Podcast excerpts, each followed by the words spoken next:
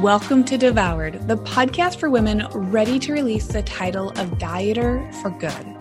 I'm your host, Lucia Hawley, and I'm a certified nutritional therapy practitioner with my master's in social work, clinical mental health. I've lost 80 pounds and I'm on a mission to get you into the life of your dreams without being the woman who is consumed by diet after diet trying to get there. If you're wanting more in your life and are tired of wondering when or how to make that happen, then this is a podcast for you. You'll learn how to make the radical changes you've only dreamed of 100% possible for you today. I'm so happy you're here. The information provided within this podcast is intended as general education only and is not to be considered a substitute for professional medical advice, diagnosis, or treatment. What we're talking about this week is the idea of possibility. So I'm going to be talking about that a little bit. While I'm doing that, why don't you go ahead, type in your win for the week, and then we'll mm-hmm. check in on that. So, this idea of possibility is that first off, we're going to come back to this concept that, and you know, in coaching, this if someone has done coaching before, you might have heard this concept before that our thoughts create our results. And there's a whole framework for how thoughts function. Okay. Our thoughts create our feelings, right? You think something about a certain circumstance and then you feel a certain way about the circumstance. And circumstance is always neutral. We have a thought about our circumstance. That thought creates a feeling we take an action from that feeling, even if we feel like the thing that we're taking action on is actually an inaction, well, it's still an action. Something's still occurring because of that feeling from that thought. And when we take an action, we then get a result. And for the most part, that result then reinforces our thought. So we have this whole loop and when we're going through something like this program, like Lean and Liberate, when we're trying to change our habits, whether you're in a program or not, period, with habit change, what we're trying to doing, what we're trying to be doing is we're trying to separate the concept of, okay, what is the circumstance? In this case, weight loss right? My relationship to weight loss, how the weight loss is going, etc., on and on. My relationship to things like uh, intuitive eating or anti-dieting.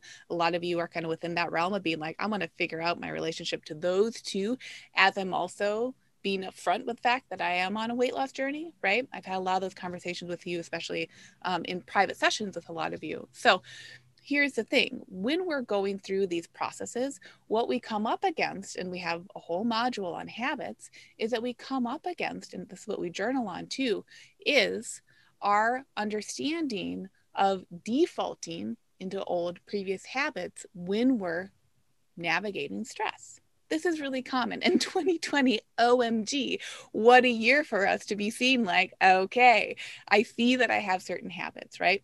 So with this understanding that our thoughts create our results and that our habits are really reinforcing those thoughts, feelings, actions, and results in that whole loop there, what I want us to be thinking about is the idea of possibility. Okay. And that possibility creates opportunity. So, and I wrote this down because I didn't want to mess it up. So, listen to this the thought of possibility leads to the result of opportunity. And I think that's really profound because when we're thinking about weight loss, very frequently, and the dieting cycle loves to reinforce this, we think about weight loss as the tangible first, right? The eating habits, the movement habits, the sleep habits, the supplement habits, on and on and on and on. We think about the tangible first, and then we hope for, very frequently, we hope for the intangible to follow. When I say intangible, I mean like the emotional thought habits very frequently in that dieting cycle, we say, like, well, if I just do, you know, the 21 day or 30 day or 90 day fix or challenge or whatever, as soon as I do that, then my thoughts and brain will catch up with me, right? If I make that enough of a habit. I think what a lot of us find, which can feel disappointing because diet culture will then reinforce that was on you. It's not us. We didn't do anything wrong. We gave you all the tools for the healthy eating and movement. What we can find is this, this disparity and then we feel like we clash up against well why can't i be the person who does the habits who is the healthy person or can take themselves further towards whatever goal we might have that makes sense so far so what i want us to be thinking about and what i wrote down is that thought of possibility that leads to the result of opportunity is not You could plug and play whatever you wanted in there. That has nothing to do with weight loss necessarily.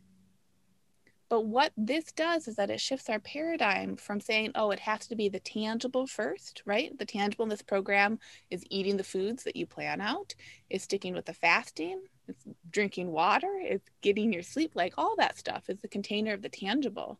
But what we get to do and what we're really creating space for here is saying, well, what happens if I allow the intangible to come first? And that's why we do the journaling. That's why we think about gratitude, right? These things that can seem so woo woo.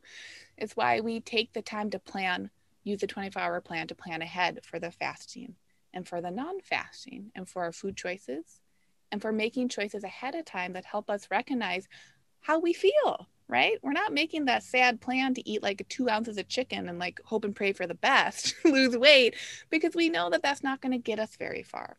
And so we're doing that bridge work of saying, well, if I know that, how come emotionally I can kind of want to default to the diets that tell me just to eat high protein until I get to that low body weight? Okay. So I want to carry further on that before I talk about wins. I see a win. see a win over there. I already read it. So if your thoughts create our results, I want to use the example of comfort eating because I think this is also a very common, common experience that a lot of us have. So let's say that we're comfort eating, and the thought that we have around that, that is either conscious or unconscious, is this is my only tool to manage my stress right now, right? At the end of a long day, or when you're driving home alone, about to get to the end of a long day, whenever that experience is during the day, doesn't matter, but evening is very a, a common time for comfort eating and comfort overeating, right? Is feeling like, well, this is the tool. This is the only thing I have. I might as well use this.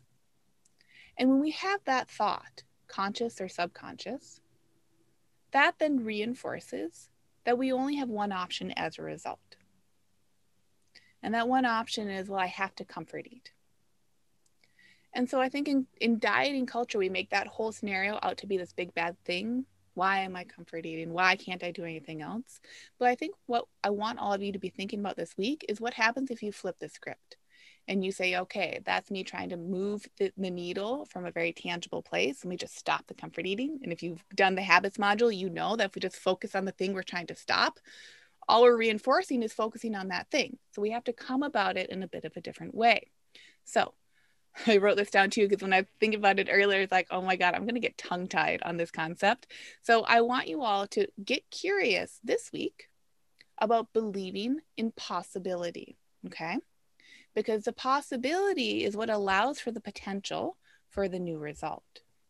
Possibility and having the thought, because our brains will always default to what will keep us safe and comfortable, which is why we default if we have a proclivity for comfort eating and comfort overeating. That's why we'll default when we're feeling low, right? Our glass is like half empty slash like totally empty. At the end of the day, of course, we're going to comfort eat because our brains are trying to keep us safe. And they're trying to say, like, man, things feel really crummy. I know something that has worked really well before. Let's use it right now. We can think about tomorrow. Tomorrow's a different day later, but for today, let's just comfort eat, right? And that reinforces that whole thought process. So the thing that is difficult, I think, for many, many people when it comes to comfort eating, which you guys, like, what a season for comfort eating, if there's ever been a season, right? Well, I'm bringing it up. When it comes to comfort eating, instead of saying, I just have to stop, right? I just have to become that person who doesn't do the comfort eating. All I want you to think about is what if I choose the thought that there is the possibility for different opportunities? And I think this can immediately then start to downgrade it from I'm doing something bad, I'm taking the wrong behaviors, I am the bad person, which is where our brains love to go. Insert whatever words make sense for you.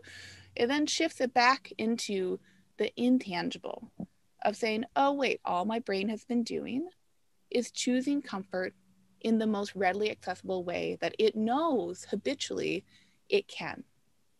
But because I have this goal, in this case of weight loss, and that comfort eating creates an environment where that is much more difficult to pursue, I'm going to be asking myself, what would be the thought I could have that would help me create possibility? So that thought could be, there's so many different ways we can come about this.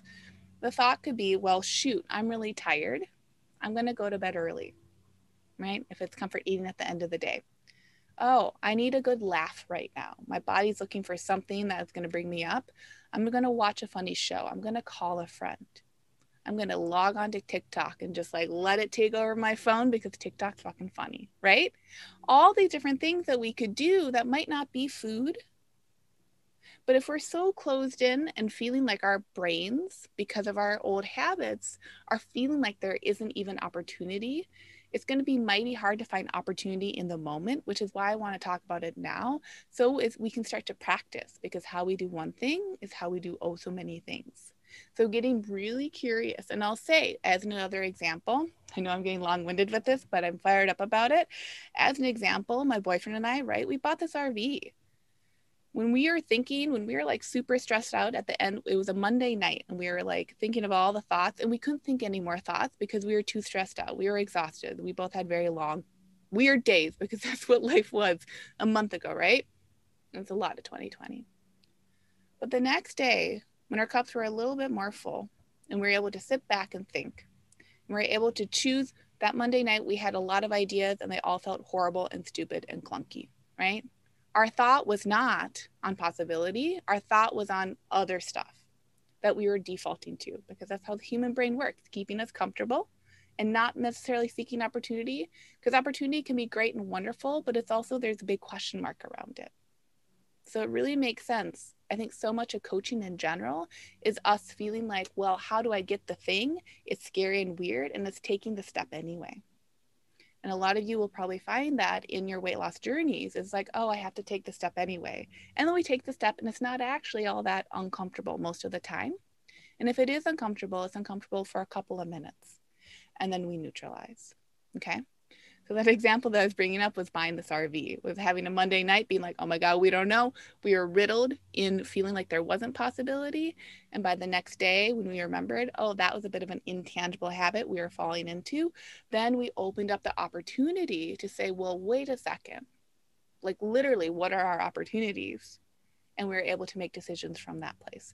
So that's just something I want you all to be thinking about, okay? Where could I be getting really curious on possibility in order to, for no reason, right? Not to like get skinny right away, not to do any of the stuff that like falls into the tangibles, but instead to say, like, well, wait a second, can I plug into the possibility and make that the habit that I'm practicing? Right? Where it's not about uh, one more perfect plate or it's not about secretly trying to figure out how many calories might be on that plate or what have you. What if the habit instead that we're fostering here is creating possibility? Because we believe and we grow our little brains, right? What we practice is what we get stronger at. We grow our brains so that they then default to possibility. And when we have possibility, there will always be opportunity. So think about that this week, okay? Okay, everyone, that's all for this week. Thank you for listening to this full podcast episode. If you want more of this information every day instead of just one podcast episode each week, consider coming over to Instagram to hang out with me.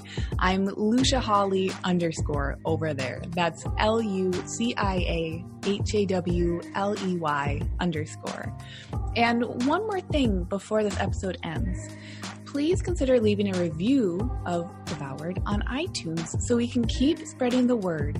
And together we can offer this free education, empowerment, and liberatory nutrition principles that will change more lives. If you're someone who likes to empower other people, then please consider sharing this podcast with friends and family. And by leaving a review, it makes a world of difference.